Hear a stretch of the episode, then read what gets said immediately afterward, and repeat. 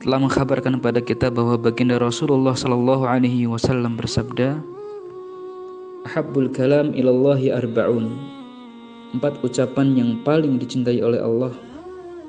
Subhanallah walhamdulillah wala ilaha illallah wallahu akbar. Hadis rawahu Muslim.